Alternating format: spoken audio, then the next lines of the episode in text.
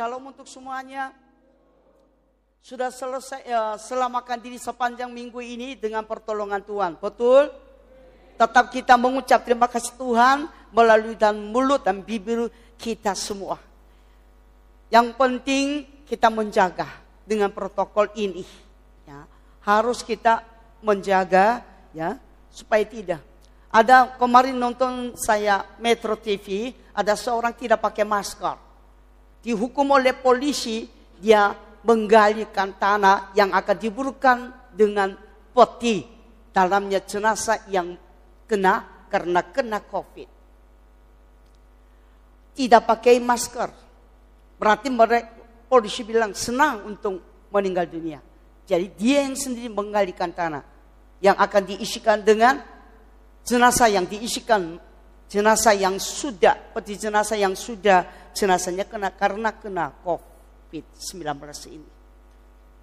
Ini yang contoh yang baik yang akan mengadukan juga dalam firman, firman yang saya sampaikan.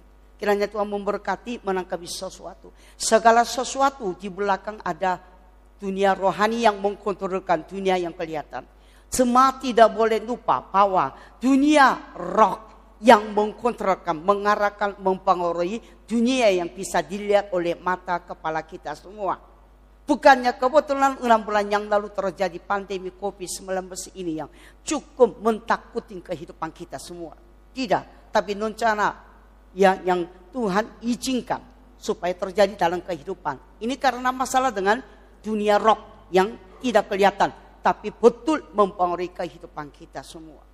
Kalau begitu sifat sekarang sebagai orang yang percaya, bagaimana kita harus siapkan diri, bagaimana kita harus lakukan masa depan. Supaya ini selesai, jangan sampai ya orang tidak pakai masker sehingga dia menggalikan diri sendiri ya. Kuburan yang akan diisikan oleh peti jenazah itu karena meninggalnya karena covid itu. Jangan sampai kita orang percaya KTP tapi ketiga kita meninggal dunia ini betul-betul kita orang mati yang tidak akan masuk ke kerajaan surga kita harus pikirkan semakin ya lebih serius saya ambil untuk hari ini ambil firmannya daripada Injil Matius pasal 24 ayatnya 25 sampai 34.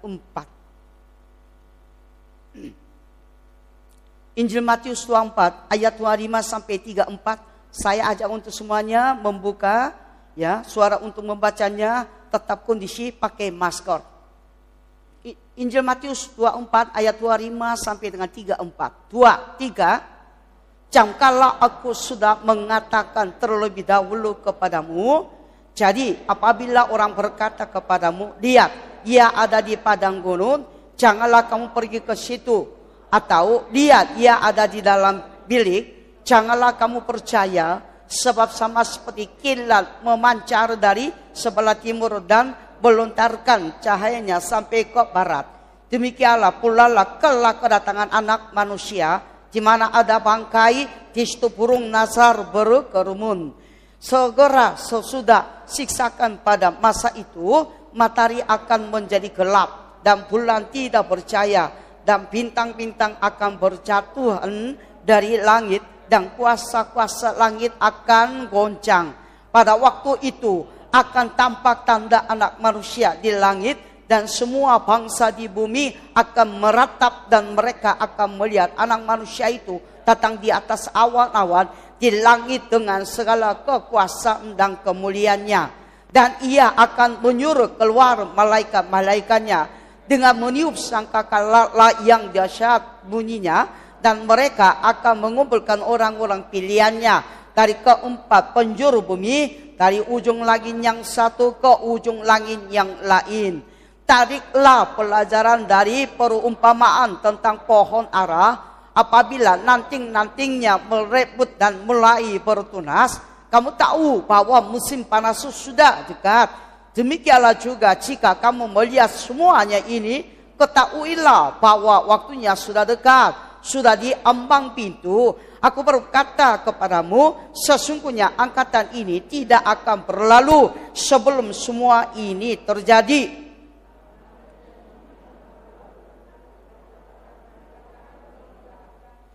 ayat 33 demikian juga jika kamu melihat semuanya ini ketahuilah bahwa waktunya sudah dekat. Sudah di ambang pintu. Itu poin untuk hari ini. Ya. Sudah dekat sekali. Makanya saya kasih judul, apakah kita menjadi orang percaya atau orang kudus? Kenapa tiba-tiba Ibu Gembala bicarakan soal orang percaya dan juga orang kudus? Memang tidak sama.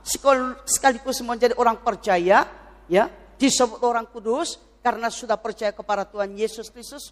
Tapi menurut firman yang beberapa poin yang saya belajar, ada perbedaan di antara orang percaya dan orang yang percaya dan ditambahkan dimetraikan oleh Roh Kudusnya. Ketika matahari terbit, tidak ada seorang pun curigai. Mata, matahari tidak akan terbenam.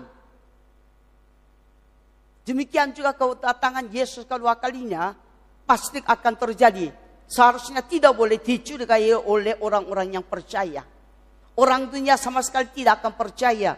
Justru orang dunia menganggap orang Kristen bodoh karena percaya hal yang lucu itu tidak akan mungkin terjadi. Orang sudah meninggal, masa lagi udah ribuan tahun kemudian, ribuan ya tahun kemudian muncul lagi datang dari surga. Mereka tidak akan percaya sama sekali, tapi justru mereka menganggap orang percaya hal itu juga dianggap bodoh. Tetapi sebenarnya kelahiran Yesus betul-betul fakta. Kematian Yesus betul-betul pernah terjadi kebangkitan Yesus betul-betul juga fakta yang betul-betul bukannya bohong dan dusta sebagainya. Kenaikan Yesus pun disaksikan oleh 500 orang yang pengikut Yesus. Ketiga dia dilayani oleh malaikat naik ke surga. Disaksikan oleh lebih dari 500 orang-orang yang berbendong-bendong mengikutinya. Segala sesuatu yang tadi saya sudah sampaikan, kelahiran Yesus, kematian Yesus, kebangkitan Yesus, kenaikan Yesus, semuanya sudah telah terjadi sebagai fakta di mata bangsa Israel. Kalau mulut bangsa Israel bisa juga berbohong, ya nggak pernah terjadi. Tapi justru hati nurani mereka dan mata mereka yang sendiri menyaksikan tidak akan berbohong karena ini betul terjadi sampai tercantum di dalam buku sejarah bangsa Israel atau negara Israel. Sehingga walaupun mereka dengannya mulut bisa membohong, tetapi dengan matanya tidak bisa mereka mengingkari hal-hal yang sudah terjadi. Itu tidak bisa mengingkarinya. Sampai orang gembala-gembala yang menjaga gembala pada larut malam atau sepanjang malam pun mereka dipanggil, di dipanggil oleh itu apa namanya malaikat atau dari kerajaan surga untuk menyaksikan. Orang maju daripada itu timur pun mereka menyaksikan sampai bawah hadiah. Kemayan, emas, dan murah sebagai hadiah daripada orang maju datang dari timur untuk menemukan bayi Yesus di dalam tempat makanan binatang tersebut itu. Nah segala sesuatu yang saya sudah ungkapan ini yang terjadi pasti akan terjadi juga kebangkitannya. Kelahiran Yesus, kematian Yesus, kebangkitan Yesus, dan kenaikan Yesus. Semuanya fakta, betul-betul telah terjadi. Berarti yang berikutnya, yang tinggal adalah ke, kedatangan Yesus kembalinya. Kedua kali pun akan pasti terjadi. Seperti tadi saya sudah contohkan. Kalau matahari terbit, tidak ada yang mencurigai. ya Atau takut, tidak terjadi matahari terbenam karena terbit otomatis akan terbenam. Demikian juga Yesus naik ke surga pasti dia akan datang untuk menjemput kita semua. Kalau, kalau oleh karena itu, kalau siapa di antara orang Kristen, di antara jemaat GBP Kapran tidak begitu serius percaya hal itu, Yesus akan datang untuk menjemput kita semua. Itu sebenarnya putus asa, tidak ada pengharapan sama sekali.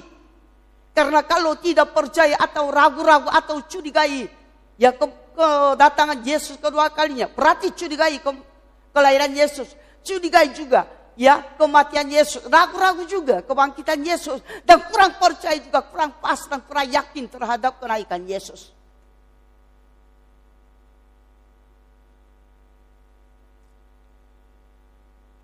Kalau seandainya kita tidak begitu yakin pada kedatangan Yesus kedua kalinya, Sehingga sedikit pun di hati ragu-ragu itu putus asa. Kenapa putus asa? Karena kedatangan Yesus kedua kalinya itu nyambung dengan kebangkitan kita semua. Sesuai dengan firman yang sudah kita baca bersama-sama. 1 Korintus pasal ke-15. Ayatnya 17 sampai dengan 19. Dan jika Kristus tidak dibangkitkan, maka sia-sialah kepercayaan kamu dan kamu masih hidup dalam dosamu. Demikianlah binasa juga orang-orang yang mati dalam Kristus.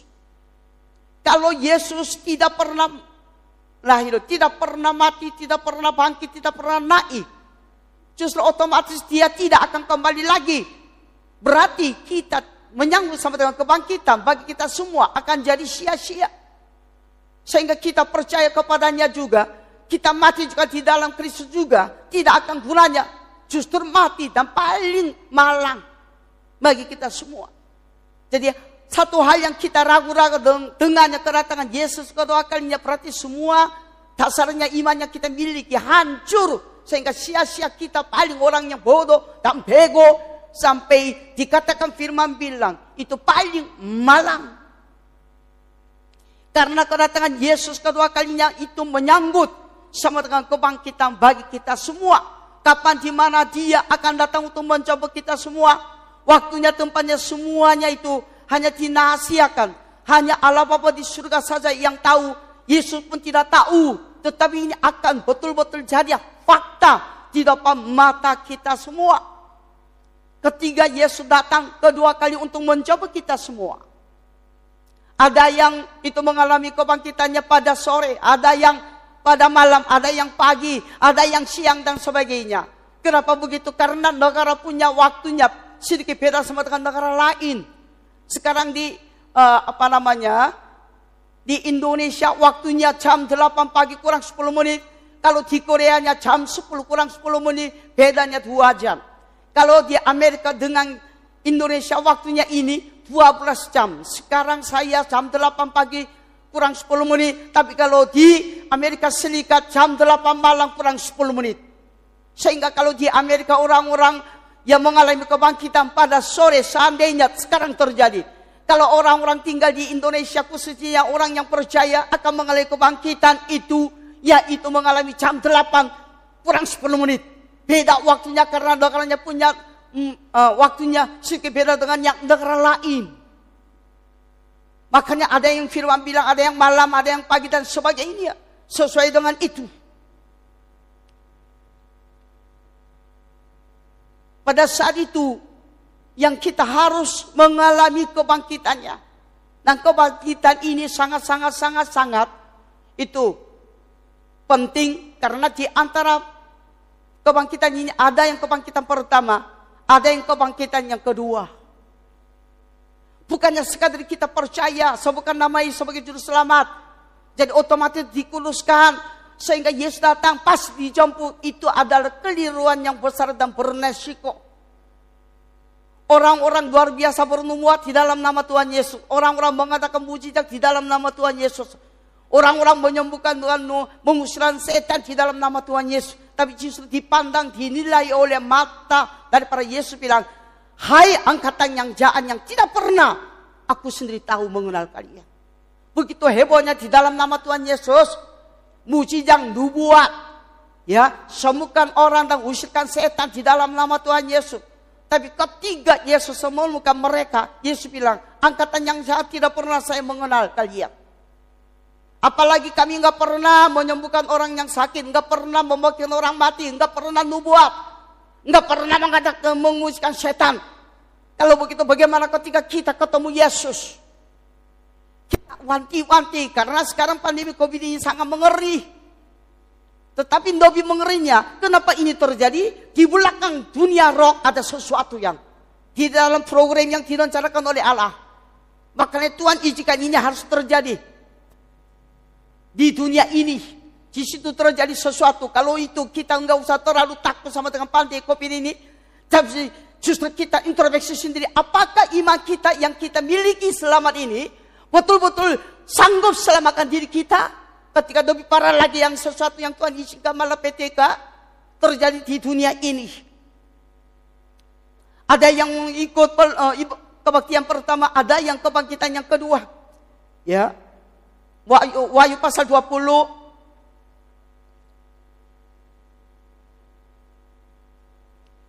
ayatnya 6, 5 dan 6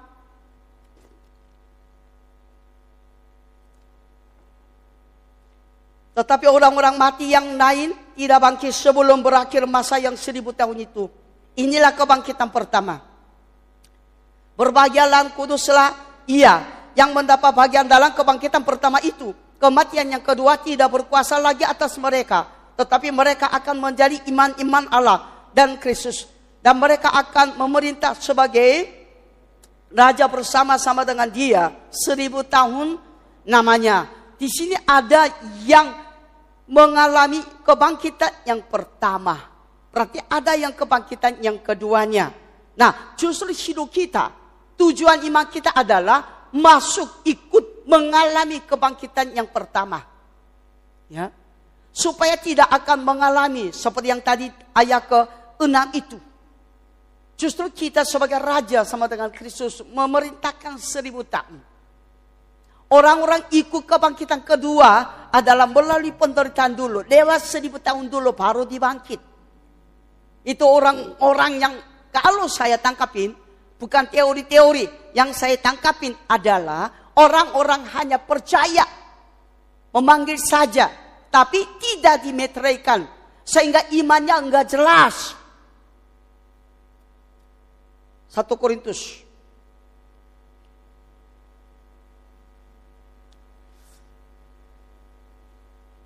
pasal 1 ayat 1 sama dengan 2. Tadi Paulus yang oleh kehendak Allah dipanggil menjadi nasul Kristus Yesus. Dan tadi Sostenes saudara kita. Ayat kedua, kepada jemaat Allah di Korintus, yaitu mereka yang dikuduskan dalam Kristus Yesus. Dan yang dipanggil menjadi orang-orang kudus. Dengan semua orang di segala, segala tempat yang berusaha kepada nama Tuhan kita Yesus Kristus, yaitu Tuhan mereka dan Tuhan kita. Sampai di situ. di dalam ayat ini beda dua jenis orang percaya. Satu dipanggil menjadi orang berseru nama Yesus. Ada yang dipanggil menjadi dipanggil menjadi dikuduskan. Itu tahannya. Kalau begitu siapa tahap yang mana kita ikut kebangkitan yang pertama. Yang tahap yang kedua ya itu yang siapa yang akan ikut tahap kedua itu kebangkitan yang kedua. Di sini kan sudah jelaskan. Orangnya hanya berseru nama Yesus. Ada yang orang berseru dan dipanggil menjadi orang yang kudus. Dimetrikan oleh nol kudusnya. Kita perlu sekali. Orang yang dikuduskan. ya Dimetrikan oleh roh kudusnya. Tidak akan ya murtad sama dengan Tuhan. 2 Korintus pasal 1. 2 Korintus pasal 1 ayat 21 sama dengan 22.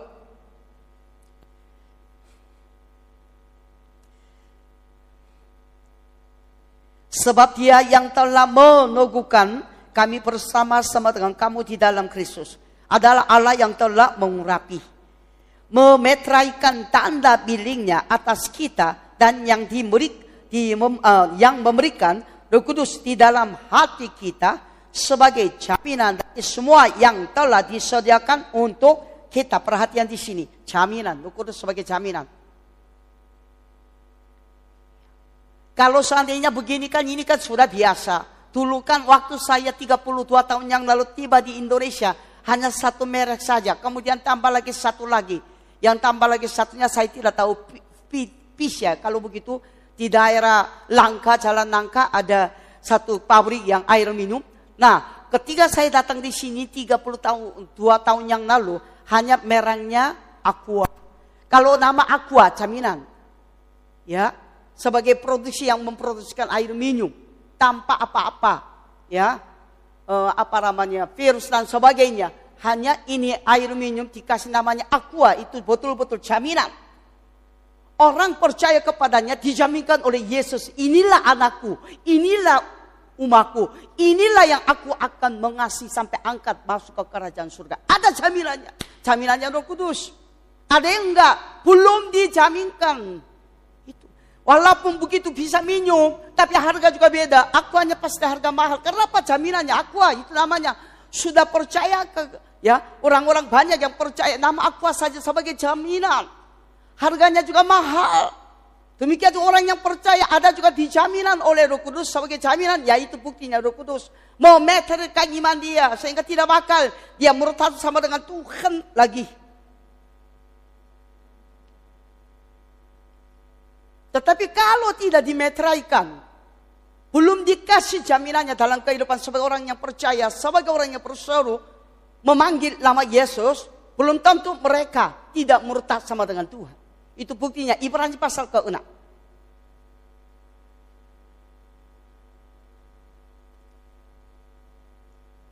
Ibrani pasal ke-6 ayatnya 4 sampai dengan 4 sampai dengan 6. Sebab mereka yang pernah diterangi hatinya, yang pernah mengecap karunia surgawi, dan yang pernah mendapat bagian dalam roh kudus, sampai pernah bagian dalam roh kudus, dan yang mengecap firman yang baik dari Allah, dan karunia-karunia dunia yang akan datang. Namun yang murtad lagi, wah namun murtad, cium lagi. Bagian lagi sempat dengan kudus. Karena belum dimetraikan. Tidak mungkin dibaharui sekali lagi sedemikian hingga mereka bertobat. Sebab mereka menyalibkan lagi anak Allah bagi diri mereka dan menghinanya di muka umum. Di sini bilang, ya, belum dimetraikan, bisa juga murtad lagi. Hanya cium, mereka sudah pernah hati diterangi, pernah mengucap karunia surgawi ya. Apalagi pernah mendapat bagian dalam roh kudus. Tapi kalau murtad lagi, pernah. Bukannya dimetraikan sebagai jaminan kita sebagai orang yang percaya bisa juga murtad lagi sehingga mereka tidak akan diselamatkan lagi karena Yesus tidak akan datang lagi untuk mati di kayu salib tapi justru Yesus datang kembali kedua kalinya untuk mencoba kita semua yang dimetraikan oleh Roh Allah sendiri yaitu Roh Kudus di dalam diri kita walaupun kita sama-sama percaya kepada Tuhan Yesus ya tetapi ada yang ikut kebangkitan yang pertama, ada yang ikut kebangkitan yang kedua kalinya.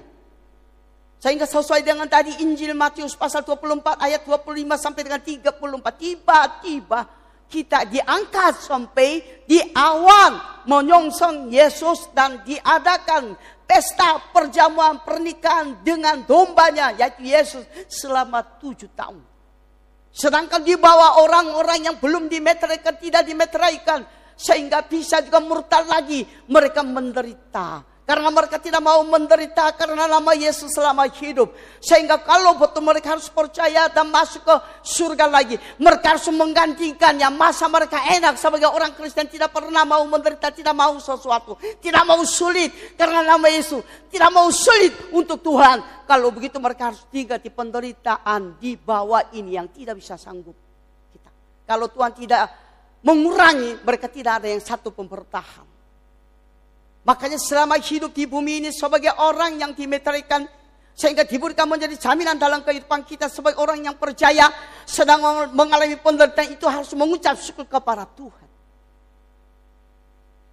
Walaupun begitu banyak susah, tetapi harus kita mengucap syukur kepada Tuhan.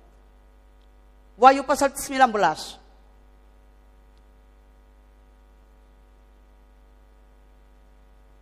ayat 7 sampai dengan 9. Marilah kita bersuka cita dan bersorak-sorai ya dan memuliakan dia karena hari perkawinan anak domba telah tiba dan penggantinya telah siap sedia dan kepadanya dikaruniakan supaya memakai kain lelan harus yang berkilau-kilauan dan yang putih bersih Nanan halus itu adalah perbuatan-perbuatan yang benar dari orang-orang kudus selama hidup di bumi ini.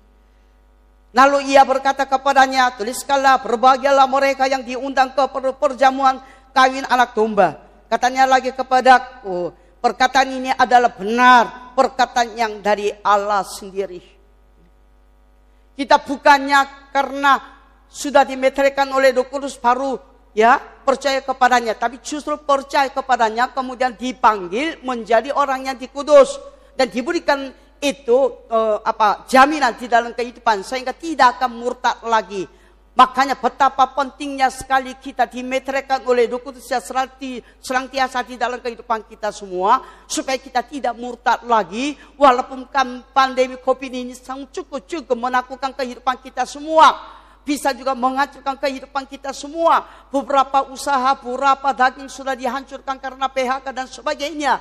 Tapi justru kita harus seorang orang yang betul yang dimeterkan oleh Roh Kudusnya bertahan dengan mengucap syukur kepada Tuhan sehingga tidak akan menderita lagi selama di atas awan bersama dengan Tuhan sebagai yang mengikut itu perkawinan, perjamuan perkawinan dengan anak domba. Tapi yang lain hanya percaya berseru tapi tidak pernah mengalami penderitaan di dalam karena nama Yesus.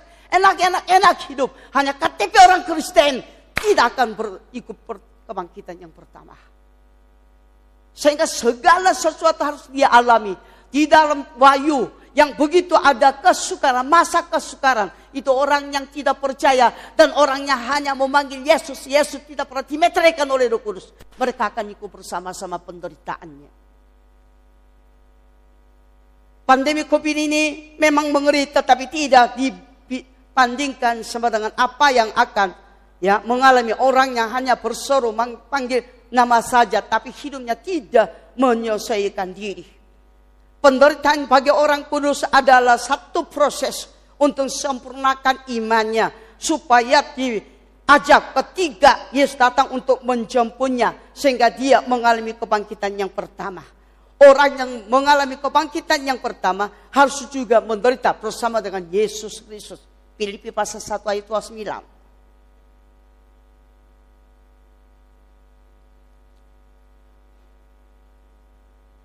Sebab kepada kamu dikaruniakan bukan saja untuk percaya kepada Kristus. Tetapi apa? Melainkan juga untuk menderita untuk dia. Ini kita perlu sekali. Saya bukannya harus ibadah di gedung ini. Tapi ketiga gedung ini sebagai dimiliki oleh GBI Pekapuran. Ketika diumumkan bagi jemaat yang menetap. Kalau sudah diadakan ibadah setiap minggu harusnya nongol itu imam mereka. Tapi katanya apa? Unai, anaknya sakit. Memang anaknya. Tapi anaknya selalu nggak sakit-sakit karena bohong sama dengan hamba Tuhan. Jangannya khawatir. Nanti apa yang omong terjadi. Enggak anaknya sakit, enggak cengeng, enggak pusing. Tapi enggak mau datang ke gereja. Saya enggak bilang apa kalau pendeta dihubungi. Hamba Tuhan dihubungi bilang anaknya cengeng, anaknya begini. Anaknya diam-diam langsung cengeng terus. Anaknya nanti bisa juga sakit. Mulut orang percaya hati-hati. Itu yang saya maksudnya. Hanya ini aja yang nggak bisa jaga. Apalagi nanti kalau penderitaan yang lebih dahsyat lagi daripada sekarang pandemi covid ini. Saya jeleng kepala. Bisa enggak kita tahan? Ini aja bohong, bagaimana? Saya tidak akan menghiburkan jemaat dengan secara manusia. Tapi saya berusaha sampai curahkan firmannya. Supaya firmannya yang cuma pegang akan pasti diselamatkan dari apa pun saja. Ini adalah sesuatu yang kita harus proseskan. Ya. Nomor pasal 8 juga ada. Nomor pasal ke-8. Ayatnya ke-17. Dan jika kita adalah anak, maka kita juga adalah ahli waris. Maksudnya orang-orang yang berhak menerima janji-janji Allah yang akan menerimanya bersama-sama dengan Kristus. Yaitu jika kita menderita bersama-sama dengan dia, supaya kita juga dipermuliakan bersama-sama dengan dia. Yesus pun pernah menderita. Melalui penderitaan, dia belajar taat. Sehingga secara manusia, dia susah untuk menaatinya. Mengenai pesan daripada Allah Bapa di surga yaitu harus dia mati di kayu salib dan curahkan darahnya supaya menyelamatkan orang yang percaya kepadanya. Secara manusia dia berat sehingga dia berdoa naik bukit dan berdoa sebelum ditangkap oleh no, apa prajurit Romawi kemudian bilang apa kalau wajan ini cawan ini bisa pindah-pindahkan tapi bukan sesuai dengan keinginan aku tapi sesuai dengan kehendakmu ya Bapa di surga. Dia juga berat sebenarnya. Makanya melalui penderitaan dia belajar taat. Sehingga tiga kali dia mengajukan untuk masalah ini kematian di kayu salib. Sampaikanlah kepada mohonnya dengan tangisan dan sebagainya kepada Bapa di surga. Bapa di surga mungkin kasih inspirasi sesuatu di dalam hati Yesus sehingga Yesus sudah selesai. Ayo bangun. Murid-murid yang antuk sampai tidur dibangunkan oleh seperti karena dia sudah menangkap sesuatu melalui ketatan yang hasil daripada penderitaan dia alami. Melalui penderitaan kita orang Kristen harus belajar taat atas firmannya, taat dengan pesan daripada Tuhan. Tapi kalau tidak menderita belum tentu kita taat. Sehingga orang Kristen yang disebut bandel. Tidak melakukan apa-apa saja. Hanya KTP saja. Maaf ya orang KTP Kristen tidak akan diselamatkan. Apalagi kebangkitan yang pertama. Ayub pasal 23.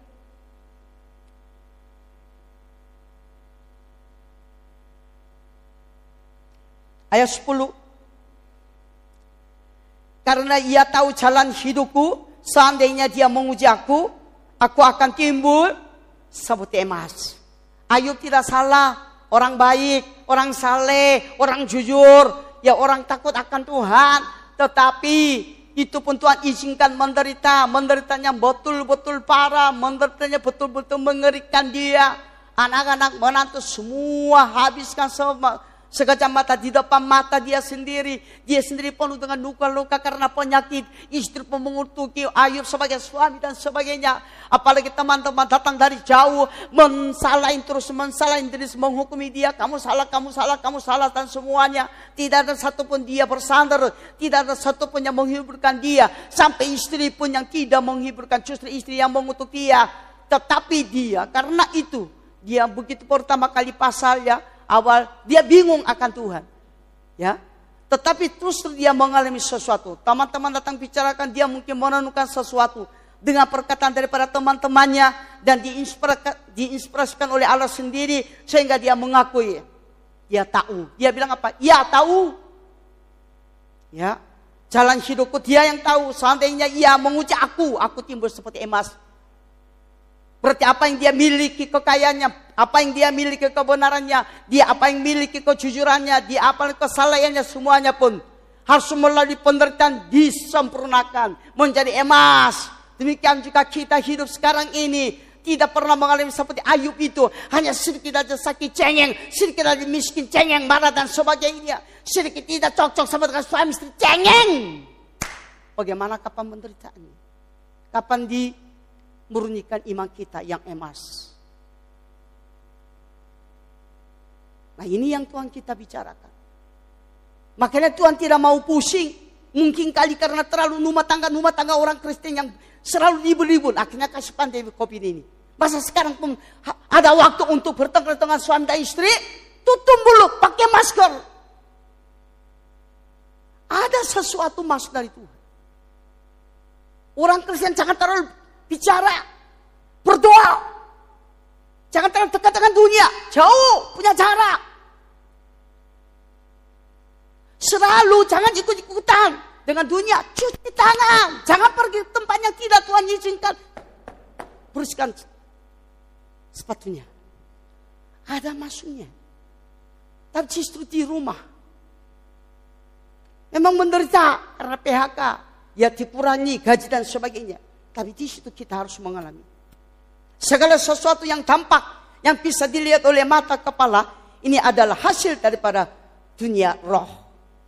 Kalau di dalam perjanjian lama, ya, saya sudah selesai dua bulan ini perjanjian baru. Sampai perjanjian lama, perjanjian baru saya sudah selesai. Minggu ini sudah selesai. Sekarang bagian saya Yohanes minggu ini sampai Wahyu selesai. Berapa kali saya baca firman ini secara utuhan. Ketika saya baca firman perjanjian nama, selalu sebutkan apa? Sampar, penyakit sampar. Ketika Allah mau mengajarkan sesuatu melatih bangsa Israel kurang ajar, selalu kasih apa namanya? Penyakit sampar. Waktu itu Dawi salah menghitungnya. Itu orangnya. Sehingga dia marahi beberapa yang syarat. Beberapa yang pilihan daripada Allah untuk terhadap Najadawi yang salah. Najadawi bilang tiga hari sakit. Sakit penyakit sampar. Berapa ribu orang meninggal. Itu penyakit sampar adalah teguran daripada Tuhan. Teguran bagi dunia bisa, tapi lebih utama teguran untuk sebangsa Israel. Demikian juga Tawaran untuk orang Kristen supaya orang Kristen sadar. Terlalu mengeluh, terlalu mencari happy-happy, ya berkat yang bisa dilihat dihitung oleh mata kepala enak loh, enak loh. Maka itu bilang penderita. Justru penderita adalah hadiah kita semua untuk diderita dengan penyakit ini. Bisa dimurnikan sehingga ketiga Tuhan Yesus datang kita mengalami kebangkitan yang pertama.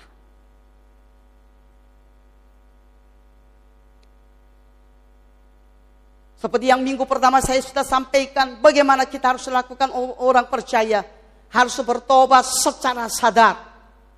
Secara sadar maksudnya apa? Setiap saat apa yang kita lakukan disadarkan oleh kepala atau kemampuan kepala kita. Sehingga selalu sengaja bertobat di hadapan Tuhan. Selalu, bukannya tidak sengaja, tapi harus selalu. Sehingga menjaga kekudusan di dalam diri kita ya sebagai jaminan daripada Roh Kudusnya selalu mendorong hidup kita sehingga akhirnya Tuhan yang menolong kehidupan kita semua.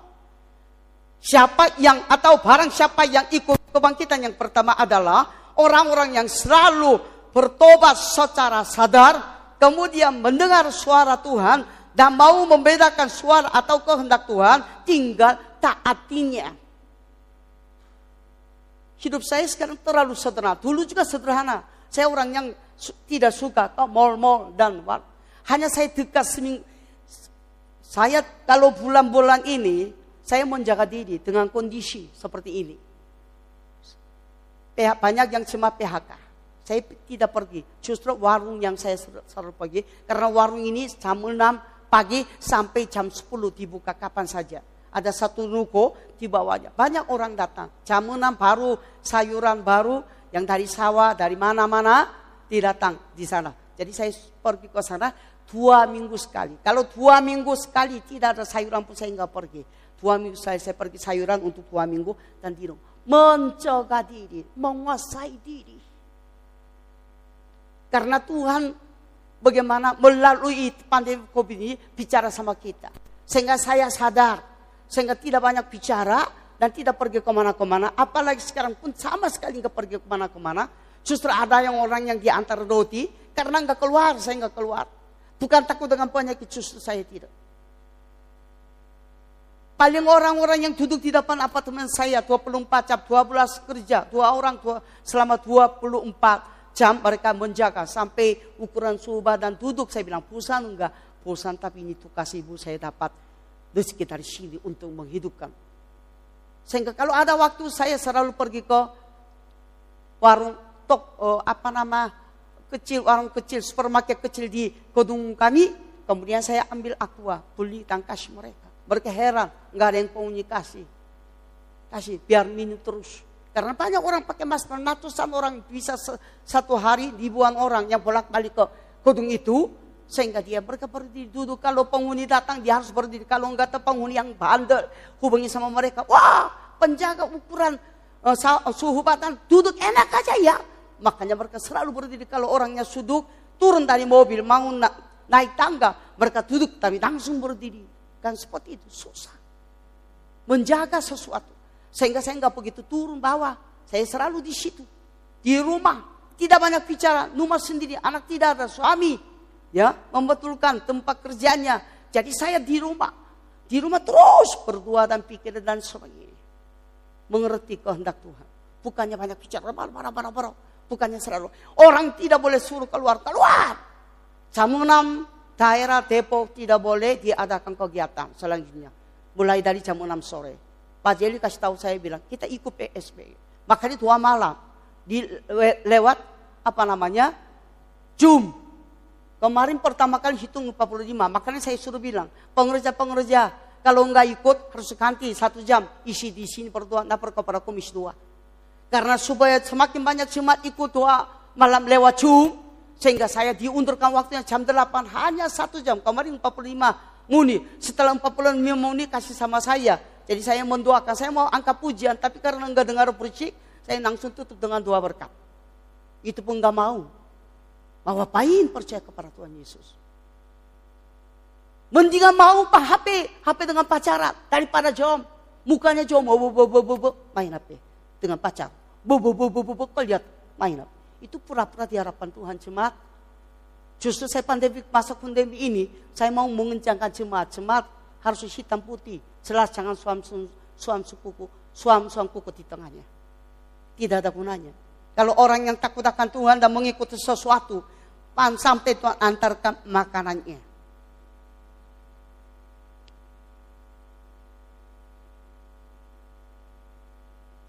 Disebut orang percaya.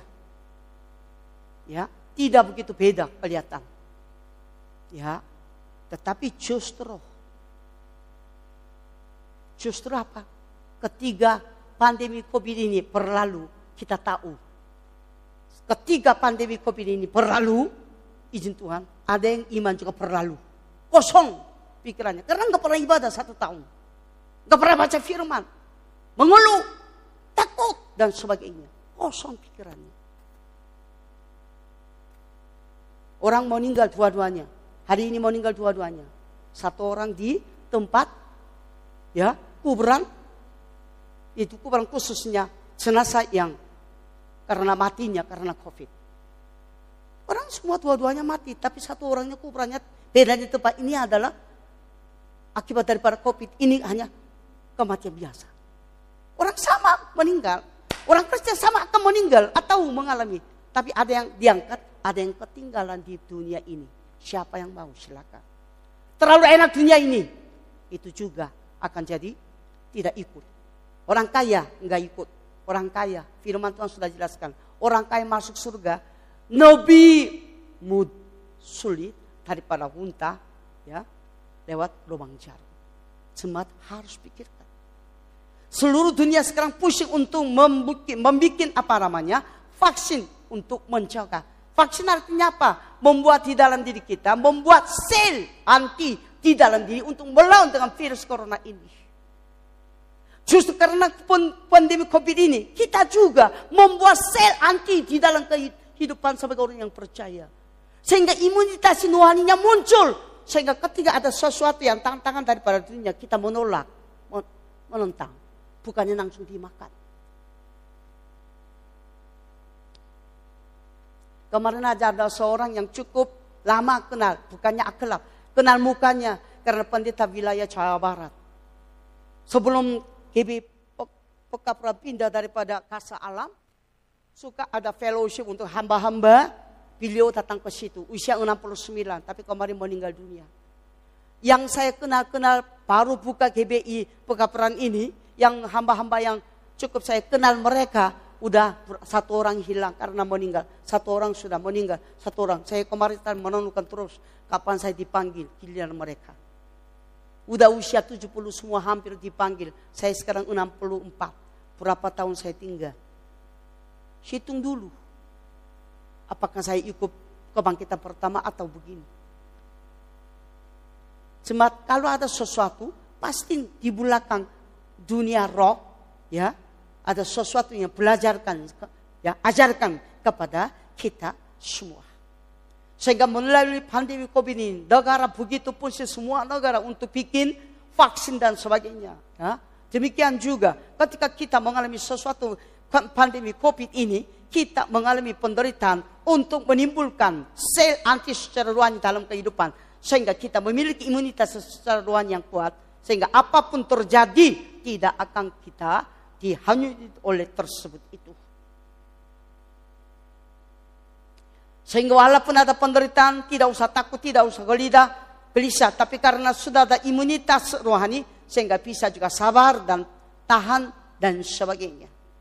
Orang di orang pikiran di antara semua saya mohon, sepertinya orang yang punya sesuatu, orang yang punya, maksudnya orang kaya atau rumah yang gajinya menguasai diri. Jangan sombong. Orang susah di antara jemaat, jangan kecil hati. Matahari tetap terbit, akan terbenam. Ada yang terbit, ada yang terbenam. Dan terbenam, matahari hari esoknya terbit lagi, matahari yang sama. Orang susah sekarang, besok pun diangkit oleh Tuhan. Orang yang sekarang sombong karena sedikit ada, itu juga bisa direndahkan hari ini. Besok jadi orang miskin. Maksudnya pas semuanya di tangan Tuhan. Kita merendahkan diri di hadapan Tuhan, apa yang Tuhan ikutkan di dalam kehidupan kita semua. Orang-orang susah pun tidak perlu susah karena Tuhan yang melindungi. Berkat secara mas, jasmani. Nama baik dan semuanya tidak akan memberikan kekuatan untuk kita untuk mengatasi penderitaan. Tapi justru orang yang takut firmannya akan memberikan kekuatan bagi kita semua. Amsal 1 ayat 33.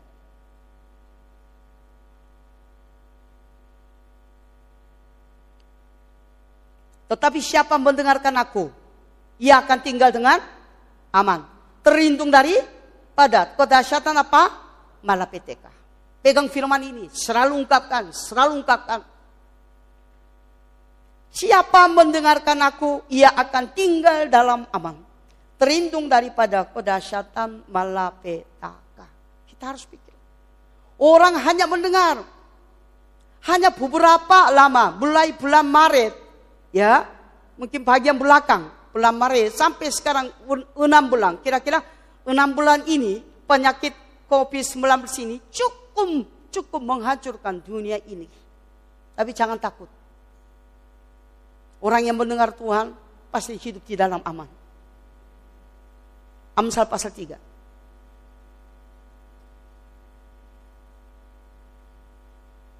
21 dan sampai 26 Amsal 3, 21.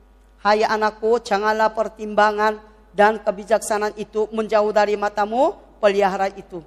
Maka itu akan menjadi kehidupan bagi jiwamu dan perhiasan bagi lehermu.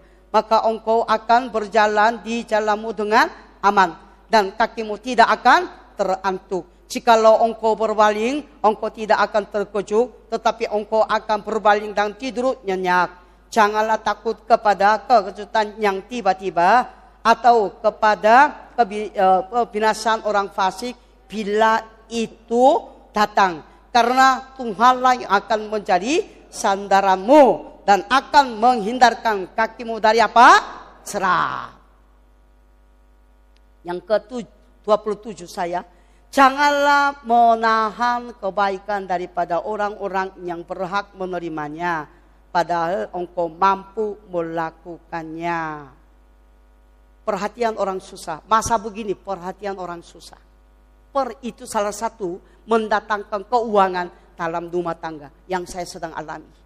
Justru sekarang saya semakin sedikit ada uang, aku beli apa pun dibagi orang. Enggak bisa saya. Orang antar makan pun saya kasih sedikit untuk dia. Hanya ribuan, hanya lima ribu, empat ribu. Kalau enggak ada uang, berapapun kasih. Tapi Tuhan begitu dilipat kali yang dibesarkan dulu, untungnya atau ya untungnya kemudian masuk di dalam bunganya masuk di dalam hidup saya. Saya selalu sama dengan suami saya, taruh pujilah nama Tuhan. Hanya saya sedikit membalaskan yang perlu diperhatikan. Tetapi Tuhan membalaskan dengan berapa kali lipat. Bunganya luar biasa yang Tuhan kirimkan di dalam kehidupan. Salah satu cara siapa yang mau diberkati masa begini, peduli orang lain. Bukannya bilang ratusan ribu, bukannya jutaan ribu. Ada berapa pun lebih dari apa yang kita miliki. Kalau begitu, bagi orang, pasti Tuhan akan menggembalakannya. Orang-orang dunia kalau penyakit ini sangat penyakit yang mengerikan. Tetapi orang yang percaya, walaupun di tengah-tengah seperti itu, kedahsyatan malapetaka melalui penyakit sampar ini, tetapi kita mendengarkan Tuhan, pasti hidup aman dan terlindungan daripada segala sesuatu yang kita takutin. Menjadi orang yang dimeterkan oleh Tuhan, diberikan jaminan di dalam kita orang yang kudus mengalami kebangkitan yang pertama melalui penderitaannya. Tetapi orang-orang hanya berseru, berseru, berseru, berseru saja.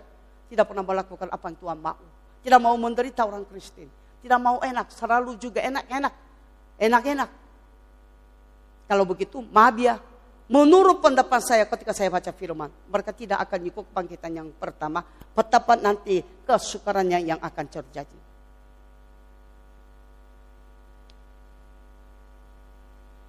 Sekarang pandemi COVID ini, tapi justru ini kesempatan diperkenalkan Tuhan dengan perbuatan yang baik dan berdoa dan baca firman Berdoa juga bukan minta-minta. Berdoa mengucap syukur kepada Tuhan. Selalu memuji ke keagungan Tuhan. Semu, selalu memuji sesuatu. Sehingga di situ puasa roh kita. Sehingga roh kudusnya bekerja dengan luar biasa berlindungi. Jaminan orang percaya adalah roh kudus. Yang selalu ada di dalam. Ini secara khusus. Yang pertama ini tidak ada di dalam bahan khutbah yang saya siapkan. Tapi beda orang percaya sama dengan masa orang percaya tidak orang kudus, tidak orang kudus. Kisah pasal 19. Karena waktu mungkin sedikit saya cepat selesai, makanya coba. Terus kisah pernasul pasal ke-19. Bedanya sedikit. Ayat 1, ketika Apolos masih di Korintus, Paulus sudah menjelajah daerah-daerah pendalaman dan tiba di Efesus. Di situ didapatinya beberapa orang murid. Katanya kepada mereka, sudahkah kamu menerima roh kudus? ketika kamu menjadi percaya. Akan tetapi mereka menjawab dia, belum. Bahkan kami belum pernah mendengar bahwa ada roh kudus. Lalu kata Paulus kepadanya, kalau begitu dengan baptisan manakah kamu telah dibaptis? Jawab mereka, dengan baptisan Yohanes. Kata Paulus, baptisan Yohanes adalah pembaptisan orang yang telah bertobat. Dan ia berkata kepada orang banyak bahwa mereka harus percaya kepada dia yang datang ke kemudian daripadanya, yaitu Yesus. Ketika mereka mendengarkan hal itu, mereka memberi diri. Mereka dibaptis dalam nama Tuhan Yesus. Dan ketiga, ketiga Paulus menumpang tangan di atas mereka. Turunlah Roh ke atas mereka. Dan mulailah mereka berkata-kata dengan dalam bahasa roh dan pernubuan. Orang percaya tapi belum dimeteraikan, belum kasih jaminan, yaitu ada itu. Sehingga dengan tadi 1 Korintus pasal 1 ayat 1 dengan 12. Dua, dua. Ada orang yang percaya saja, ada orang yang percaya dan dipanggil menjadi orang di kudus, diberikan uh, apa namanya jaminan yaitu orang roh kudus. Siapa yang bisa mengikut ya lebih mudah mengikut kebangkitan pertama adalah orang dimetrekan sehingga tidak akan murtad lagi. Tapi hanya cium roh kudusnya bisa juga murtad lagi, tidak ikut kebangkitan. Justru dia tetap neraka untuk selama-lamanya. Pandemi COVID ini ada mengajarkan kepada kita semua. Orang Kristen jangan bandel, jangan mengkritik orang dengan mulut, jangan terlalu dekat dengan dunia, jangan terlalu sesuatu ke mana-kemana dengan merasa kakinya milik sendiri sehingga ke mana-kemana timpan yang tidak harusnya pergi. Makanya Tuhan untuk per, per, pertama orang percaya Tuhan izinkan pandemi COVID ini ter, terjadi secara seluruhan, secara dunia ini. Sehingga di mana pun orang Kristen sekarang menderita. Tapi justru belajar ada yang pengajaran dari Tuhan melalui COVID ini sehingga diselamatkan. Tidak akan kena seperti orang Israel tinggal di tanah persen. Sepuluh tulah sama sekali tidak kena untuk mereka. Demikian juga. Jadilah semuanya jemaat KBI pekapuran ini. Tinggal di dalam taman Gosen. Perlindungan Tuhan selalu menyertai. Tidak akan kekurangan, tapi justru diberikan kuasa, imunitas rohani untuk melawan dengan pandemi COVID-19 ini. Tuhan Yesus memberkati.